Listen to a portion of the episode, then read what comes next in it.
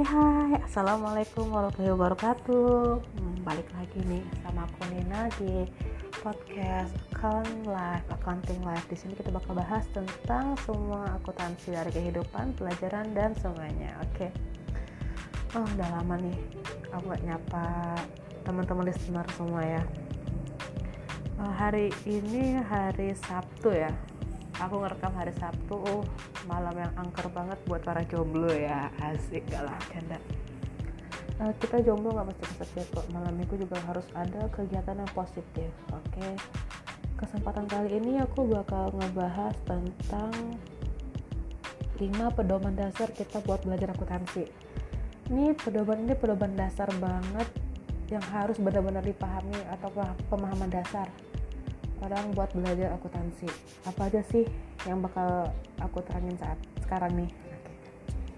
Uh, pertama tuh ada pengertian akuntansi. Kita tuh harus tahu pengertian akuntansi itu sendiri. Kita tahu akuntansi itu apa sih? Bukan cuman taunya akuntansi gitu-gitu duit.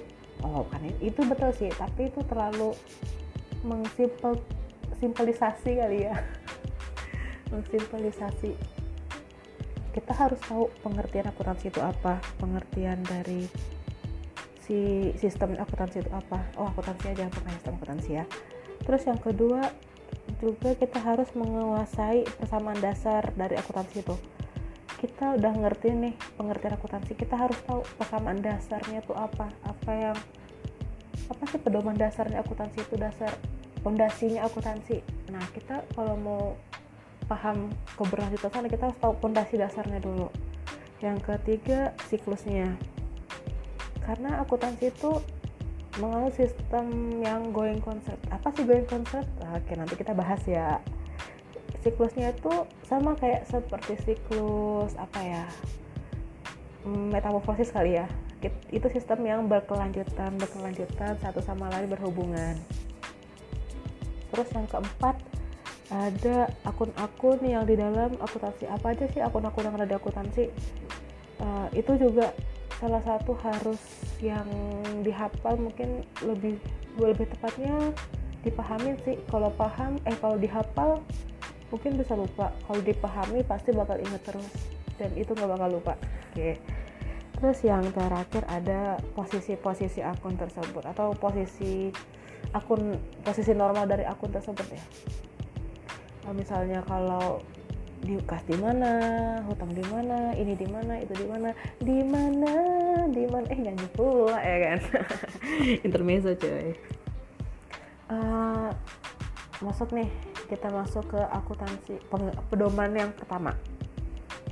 Uh, teman-teman semua boleh siapin kertas ya pulpen dan apa aja yang bisa dibuat di bu apa sih apa aja yang bisa dipakai untuk menulis jadi uh, sambil dibahas sambil ditulis sambil dengerin cuap-cuap kita yang berfaedah ini amin Oke, yang pertama itu kita harus paham pengertian akuntansi. Pedoman satu, pengertian akuntansi.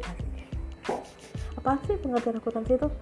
Akuntansi itu dari beberapa ada yang menyimpulkan dari ahli ini ahli itu organisasi ini organisasi itu itu mungkin penyebutan penjelasannya agak sedikit lain-lain tapi bertujuan atau intinya itu semuanya sama. Uh, akuntansi itu sebuah seni ya. Seni tahu kan? Seni nyanyi melukis menggambar menari. Aku suka seni nggak ya? Uh, mungkin jiwa seniku ada tapi sedikit seni seni seni apa ya? Kalau di akuntansi ini oh aku seni. Hmm aku aja bingung. Hmm, two years later. Oh, aku balik. Akuntansi itu adalah seni mencatat sebuah seni dalam mencatat, mengidentifikasi, mengelompokkan, mengiktisaran, dan melaporkan. Jadi uh, si akuntan ini harus mencatat apa yang kita sama dia. Uh, setiap transaksi yang terjadi di suatu perusahaan misalnya gini uh, kita sebuah perusahaan jasa. Perusahaan jasa butuh apa aja apa aja yang dibeli dan apa aja yang dijual sama dia. Nah itu harus dicatat semuanya. Untuk apa? Untuk melanjut ke proses selanjutnya. Nah udah semua transaksi atau kejadian keuangan itu dicatat lalu diidentifikasi. Apa yang apa yang diidentifikasi? Ya diidentifikasi dia termasuk jenis apa? Penjualan pembelian atau masuk ke persediaan peralatan? Nah di, diidentifikasi dari semua transaksi-transaksi yang dilakukan dalam satu periode. Biasanya sih dalam satu bulan ya dalam per bulan dulu nanti uh, di akhir tahun baru di ada penutupnya di akhir periode akuntansi. Terus mengelompokkan. Nah itu mengelompokkan termasuk jenis apa di kelompoknya? Jenis harta kewajiban. Nah selain diidentifikasi lalu dikelompokkan ke ke jenis-jenisnya kan? Um, semuanya tuh harus masuk dalam kelompoknya ya. Nggak bisa kan? Misalnya hmm, kelompok ikan-ikanan. Masuk ke dalam kelompok burung-burungan. Kan nggak bisa. Itu nggak balance nggak nggak sama. Jadi itu di akuntan tuh harus bisa mengelompokkan. Dia termasuk biaya ya atau dia termasuk pendapatan ya atau dia termasuk penjualan. Nah gitu. Terus di ikhtisar di ikhtisar tuh setelah uh, dia tuh uh, penjualan atau apa ya lalu di ikhtisar dia di ikhtisar laba rugi. Jadi setelah diidentifikasi dan dikelompokkan dia gimana hasil ikhtisarannya laba ruginya? Dia laba atau untung? Lalu setelah itu uh, ter, adalah eh, adalah hasilnya. Setelah itu keluarlah hasilnya sebuah laporan keuangan. Jeng jeng nah dari seorang akuntan itu produknya atau hasil akhirnya atau produksinya si orang akuntan itu yaitu laporan keuangan. Laporan keuangan itu digunakan untuk mengetahui posisi keuangan perusahaan. Jadi uh, kita tuh tahu kinerja perusahaan dalam satu bulan atau satu periode tersebut itu berjalan dengan baik atau berjalan dengan buruk, eh, berjalan dengan buruk, uh, meningkat atau menurun. Nah, kinerja perusahaan itu. Jadi ya seorang akuntan tuh harus seorang akuntan itu harus benar-benar benar-benar benar-benar benar-benar benar-benar harus benar-benar tepat dalam menyusun laporan keuangan. Uh, karena si laporan keuangan ini juga jadi alat si pihak manajerial atau pihak owner dalam pengambilan keputusan. Misalnya gini uh, dalam periode ini perusahaan atau tahun ini perusahaan mengalami laba mengalami laba kan? Jadi ya untuk meningkatkan produksi yang tahun depan uh, pihak manajerial akan menambahkan satu unit mesin misalnya. Nah dia mau beli mesin dia lihat dulu dong laporan keuangan. Mampu nggak sih keuangan perusahaan ini beli mesin? Kalau misalnya uh, benar laporan keuangan itu ya. Itu analisa si pihak manajerial itu ya bisa beli mesin itu tersebut, mesin tersebut. Karena ya emang benar si perusahaan itu mampu dia membeli mesin dengan karena keadaan keuangannya bagus. Tapi kalau misalnya ya kurang tepat bisa aja harusnya labanya nggak segitu. Tapi labanya dibikin segini nggak nggak pas pokoknya nggak pas nggak tepat gitu. Nah karena yang oh gini misalnya perusahaan itu sebenarnya rugi tapi karena kurang tepat atau salah pencatatan perusahaan itu si akuntannya tuh bikin laporan ngasih ke manajerialnya tuh laba. Nah karena laba ya manajerial tahu hasil akhirnya aja dong. Nah laba jadi pihak manajerial ini mau beli mesin lah. Ternyata pas aktualnya itu tuh nggak nggak bisa karena laporannya tuh salah. Jadi analisasi manajerial tuh salah. Karena salah dari salah satu proses itu itu salah ke ber, ke ke belakangnya atau keberlanjutannya itu bakal salah. Makanya itu ada uh, akuntansi itu sistem yang berkelanjutan. Seperti tadi aku udah bilang sistemnya tuh berkelanjutan berkesinambungan saling berhubungan satu sama lain. Seperti aku dan kamu saling berhubungan. Oke. Okay. jadi selain itu juga uh, selain pihak internal yang menggunakan laporan keuangan ada juga pihak eksternal. Mungkin kayak perusahaan-perusahaan yang udah apa ya namanya ya udah listing ya di bursa efek itu atau perusahaan-perusahaan yang ingin menarik perhatian investor laporan keuangan itu juga bisa jadi bahan pertimbangan pihak investor. Kalau misalnya labanya baik pasti investor tertarik dong. Ih perusahaan ini labanya bagus nih. Gue mau ah invest di situ. Kali aja tahun depan meningkat labanya. Dan juga ada untuk selain investor buat pemerintah juga sebagai dasar pemotongan pajak pajak penghasilan perusahaan atau badan. Nah kalau misalnya labanya tinggi ya potongan pajaknya tinggi. Kalau misalnya labanya kecil ya kecil juga potongannya tapi kadang banyak sih perusahaan-perusahaan nakal yang sebenarnya labanya gede tapi dibikin labanya kecil. Itu nanti aja ya kita bahas um, di poin masalah-masalah besar atau misteri-misteri besar di dunia akuntansi.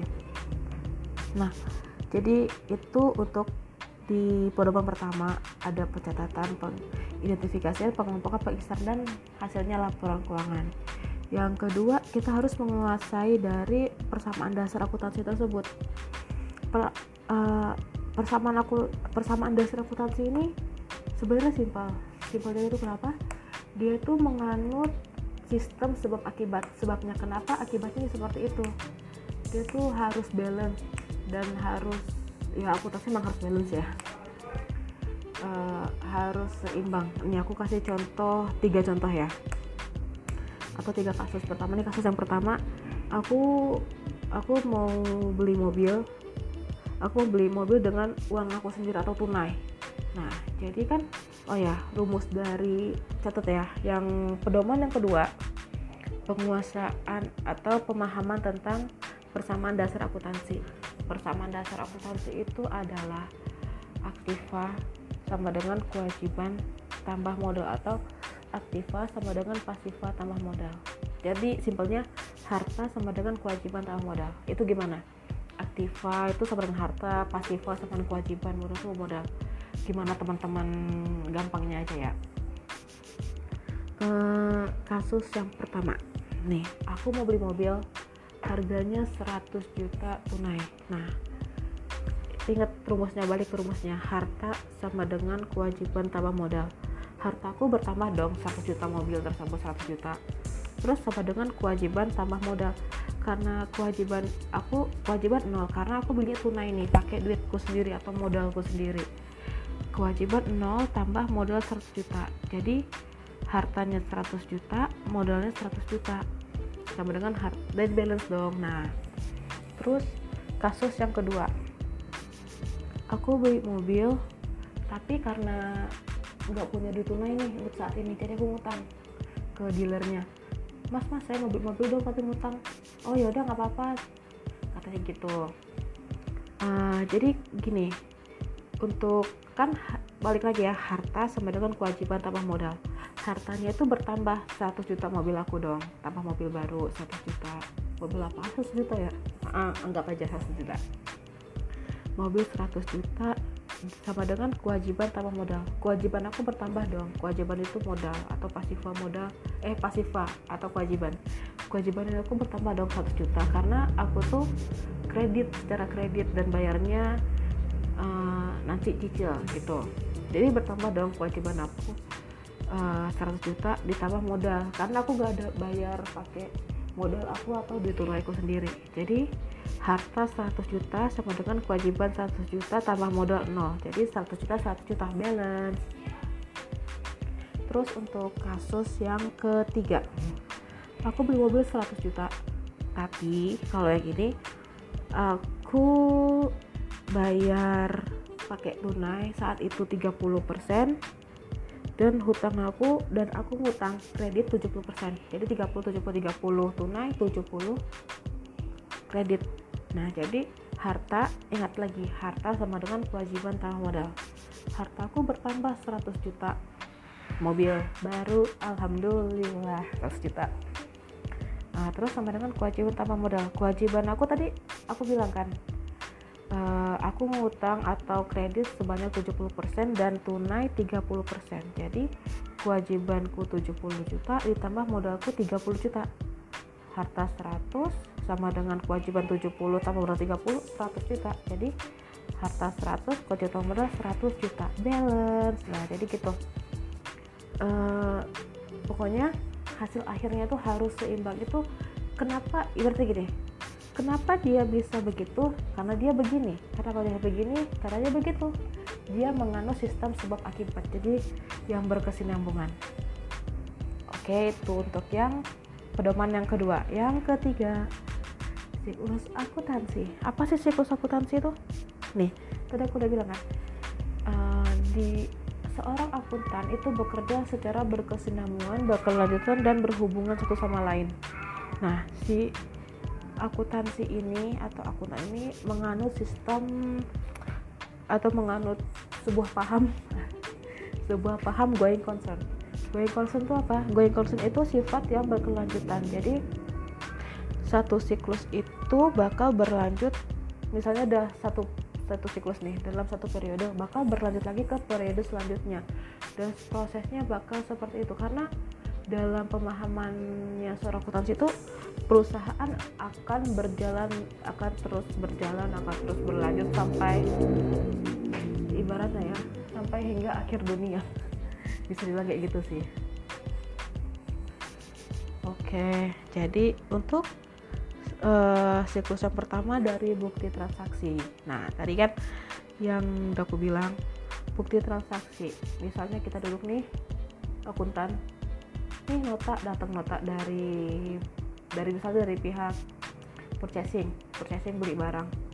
Nih dapat nota ke akuntansi di bukti transaksinya. Nah dari bukti transaksi itu kita bisa identifikasi itu termasuk pembelian penjualan atau apa nah bukti transaksi kita identifikasi. Dari masuk bukti transaksi langsung ke masuk ke penjurnalan. Penjurnalannya itulah baru uh, penjurnalan itu nanti aku bikin segmen buat bahas tentang penjurnalan penjurnalan. Bakal bahas-bahas tentang gimana sih sistem ngejurnal yang baik dan benar. Lalu udah di jurnal dimasuk ke debit kredit atau apa debit atau kredit penjualan masuk apa langsung ke ada jurnal penyesuaian. Jurnal penyesuaian ini uh, yaitu menyesuaikan akun-akun yang hmm, jumlahnya tuh nggak sama di akhir periode. Kenapa nggak sama? Karena seperti persediaan. Persediaan itu kan beli awalnya misalnya 10 juta. Eh di akhir periode atau di akhir bulan tinggal segini. Nah itu perlu di adjustment penyesuaian. Nanti kita bikin juga bahas tentang jurnal penyesuaian sebenarnya nggak persediaan aja sih. Masih banyak akun-akun lain yang disesuaikan harus menyesuaikan. Karena semua itu butuh penyesuaian. Seperti aku dan kamu. Aku juga butuh waktu buat menyesuaikan sama kamu. Lanjut. Setelah penyesuaian langsung ada kita posting ke buku besar. Nah kalau posting buku besar ini kan udah di jurnal nih. Yang posting buku besar tuh jadi uh, yang semua yang kas masuk ke kas ke buku besar kas. Piutang masuk buku piutang perlengkapan masuk perlengkapan peralatan masuk ke pos peralatan peralatan. Nah seperti itu semua. Jadi buat sebenarnya biar gampang aja sih carinya nggak berlibet kayak di jurnal. Setelah itu ada neraca saldo nah neraca saldo ini diambil angkanya dari hasil akhir di buku besar masing-masing buku besar. Tapi nggak semuanya sih perusahaan ada buku besarnya. Eh ada neraca saldo. Neraca saldo tuh cuma buat mensimplifikasi dari buku besar yang banyak banget inputannya. Uh, abis dari neraca saldo nah lanjutlah ke laporan keuangan. Inilah hasil akhir dari laporan dari sebuah perjalanan akuntan sebuah proses akuntansi yaitu laporan keuangan. Laporan keuangan tuh ada lima. Ingat tulis ada lima. Yang pertama yang pertama itu apa ya? Laporan uh, neraca atau kalau di laporan yang terpublish di bursa efek itu posisi keuangan. Tuh dan neraca ada laba rugi ada cash flow atau arus kas perubahan modal dan catatan atas laporan keuangan.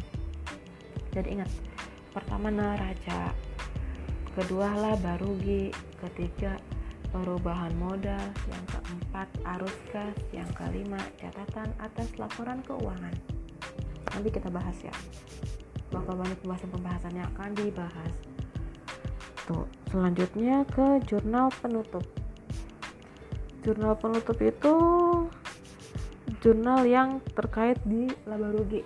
Karena kan nih di periode ter misalnya periode ini kita bakal nutup uh, laba atau ruginya di periode ini buat di uh, buka lagi di periode yang baru jadi kayak uh, nanti nih hasil dari jurnal penutup atau hasil di jurnal penutup ini saldo akhir di jurnal penutup bakal jadi saldo awal di buku besar. Nah misalnya periode ini untuk periode periode 2008 19 ini udah mau akhir nih. Periode 2019 kita dapat laba sekitar 7M laba kita tahun ini 7M nah nanti itu jadi saldo awal di periode selanjutnya 7M terakumulasi ditutup ditutup kan yang yang lalu ya udahlah berlalu ditutup aja. Kita mulai lagi dengan lembaran yang baru. Yang buruk udahlah dibuang aja. Kita mulai lagi dengan yang baru. Uh, apaan sih? Nah jurnal penutup itu buat akun-akun yang ada di laba rugi seperti pendapatan penjual pendapatan dan penjualan. Tapi enggak uh, itu pendapatan penjualan itu buat akun-akun di perusahaan jasa aja ya. Kadang ada kayak perusahaan dagang mungkin kayak ada penju penjualan persediaan HPP potongan penjualan potongan pembelian itu bakal dibahas nanti lagi. Kita bahas bakal banyak bahasan banget bakal banyak. Nah itu untuk poin yang ketiga siklus terus yang keempat pedoman yang keempat akun-akun yang ada di dalam akuntansi. Nah tadi kan di di poin pedoman yang kedua kan ada kan? Aku udah bilang harta sama dengan kewajiban dalam modal itu persamaan dasar akuntansi. Nah sekarang kita bahas nih harta uh, bah apa? Apa jadinya uh, kampung bahasa Inggris keluar akun-akun di akuntansi itu ada apa aja sih? Kita lihat dari apa? Kita lihat dari pedoman kita di persamaan dasar akuntansi yaitu di harta dulu ya. Apa aja sih yang ada di harta? Kalau akun-akun di harta itu ada harta banyak harta atau aktiva. Harta aktiva itu sama artinya bahasa lainnya uh, ada aktiva lancar sama aktiva tidak lancar. Aktiva mampet kali ya. Enggak ada aktiva lancar aktiva tidak lancar. Nah coba teman-teman tuh pahami itu dulu. Yang pertama di akun aktiva atau harta ada aktiva lancar dan aktiva tidak lancar. Apa sih yang ngebedain aktiva lancar sama aktiva tidak lancar itu? Yang ngebedain itu tingkat likuiditasnya atau tingkat kecairannya. Eh kecairan. Tingkat lancarnya dia. Karena biasanya aktiva lancar itu digunain untuk yang uh, dalam jangka waktu singkat atau bisa digunakan kapan pun kita butuh. Seperti uh, kas terus piutang. Piutang kan termasuk harta lancar tuh. Kan gak mungkin kan piutang lama-lama sampai bertahun-tahun piutang gak tertagih namanya piutang terus persediaan. Persediaan terus um, gitu deh pokoknya. Ada kas, piutang, persediaan, dan yang lain-lainnya. Pokoknya yang bisa digunakan dalam jangka waktu yang singkat. Dan bisa dipergunakan misalnya se sebelum setahun lah. Bisa lebih cepat digunakan bisa digunakan gitu. Terus kalau ada namanya aktiva tidak lancar. Aktiva nggak lancar itu ada mungkin peralatan peralatan terus kendaraan gedung tanah. Nah kalau misalnya aktiva tidak lancar itu kebalikan dari aktiva lancar. Biasanya sih lebih untuk ke operasional perusahaan ya. Lebih kayak yang digunakan untuk berjalannya perusahaan itu. Jadi pahami dulu aktiva lancar dan aktiva tidak lancar. Yang lancar itu bisa langsung digunakan yang tidak lancar itu biasanya untuk operasional perusahaan. Dan untuk asis apa untuk operasional perusahaan dan digunakan dalam lebih dari jangka satu waktu akutan satu waktu atau satu periode akuntansi oke lanjut lagi yang ada yang kedua ada kewajiban. Kewajiban itu hutang ya atau pasifa. Pasifa ada hutang jangka pendek atau ada hutang jangka panjang. Itu juga. Jadi untuk kewajiban atau pasifa jangka pendek dan jangka panjang. Bedanya apa? Sama kayak tadi. Kalau misalnya jangka pendek itu ya kurang dari setahun. Kalau misalnya jangka panjang itu ya lebih dari satu tahun. Biasanya apa ya hutang dagang hutang ya beli-beli barang yang nominalnya nggak terlalu besar lah secara kredit. Ya yang yang dibayarnya tuh kurang dari satu periode satu tahun akuntansi lah. Terus yang ke kedua hutang jangka hutang jangka panjang itu biasanya lebih dari satu tahun akuntansi biasanya hutang obligasi terus cicilan KPR atau cicilan beli mesin yang mesti tiga tahun bayarnya terus cicilan ke bank itu itu hutang jangka panjang. Terus modal ada uh, modal itu ada modal yang ditambahkan atau prevo yang menarik. Beda bedanya modal sama prive prive ya prive atau prevo gue nggak ngerti juga baca itu seperti apa. Pokoknya tulisannya tuh privo tulisannya privo modal itu buat menambah ke perusahaan duit yang ditambahkan. Kalau misalnya privo itu duit yang ditarik ber, bersumber dari modal untuk keperluan pribadi si pemilik saham atau si owner itu tersebut. Jadi modal sama privo itu bedanya modal itu menambahkan privo itu menarik. Tarik ulur tarik ulur kita. Nah jadi itu yang tiga oke dah itu poin yang keempat atau pedoman keempat. Jadi ingat aja yang harta itu ada harta lancar dan harta tidak lancar. Sebenarnya ada lagi tapi nanti kita bahas lebih lanjut. Karena ini masih uh, lima pedoman dasarnya aja dulu ya. Nanti kalau misalnya aku langsung ngasih yang dalam-dalam langsung pojok nanti. Lima pedoman dasar. Ada aktiva lancar dan aktiva tidak lancar. Terus kewajiban ada jangka pendek dan jangka panjang terus untuk modal ada modal dan price. Nah oke untuk pedoman yang terakhir posisi akun atau posisi normal akun. Nah teman-teman harus paham ya kalau ini udah salah udah ini atau nggak paham itu udah nggak tahu lagi lah bilang apa lagi sama kau ya. Kayak gitu ibaratnya kalau anak Batam bilang. Udah udah udahlah nggak paham lagi gue sama kamu udah udah udah. Tuh harus paham atau harus hafal lima akun dasar ini dan posisinya di mana?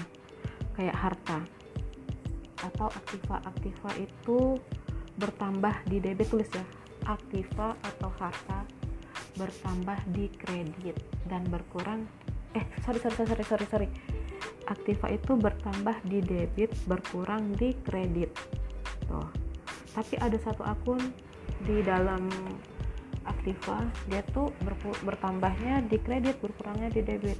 Itu akumulasi penyusutan. Karena kenapa dia dalam satu periode itu mengurangi dari nilai aktiva tersebut?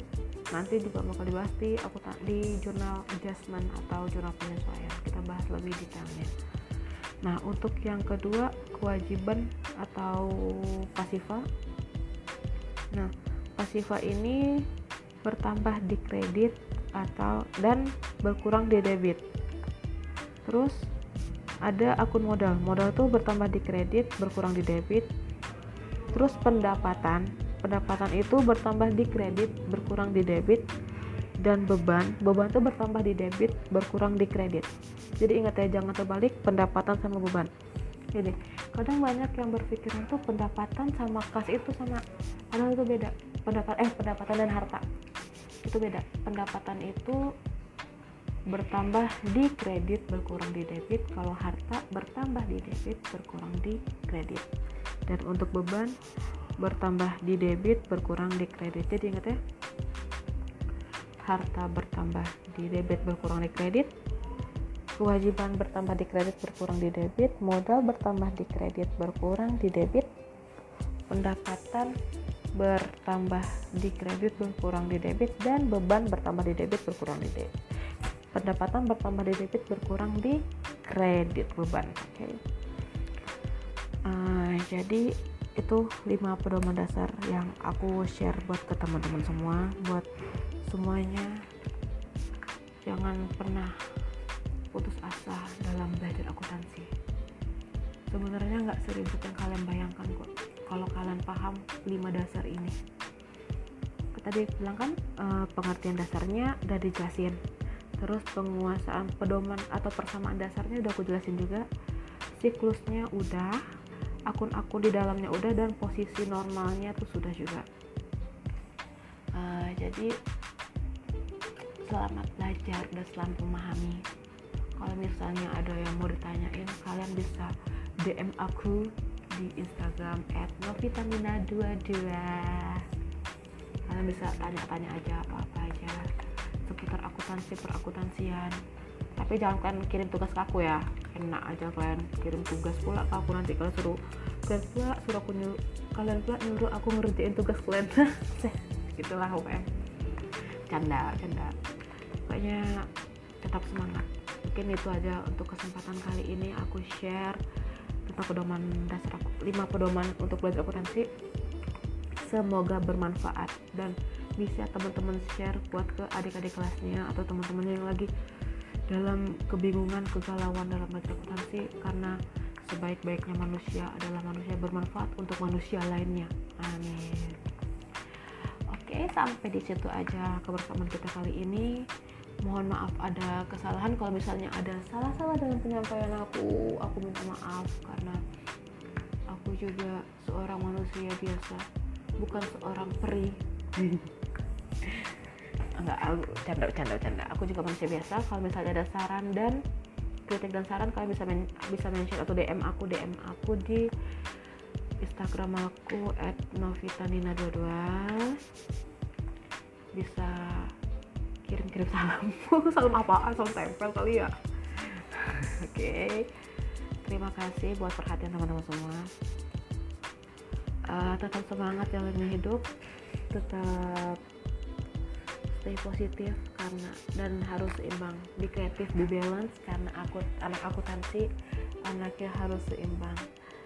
Akhir kata wassalamualaikum warahmatullahi wabarakatuh. Bye bye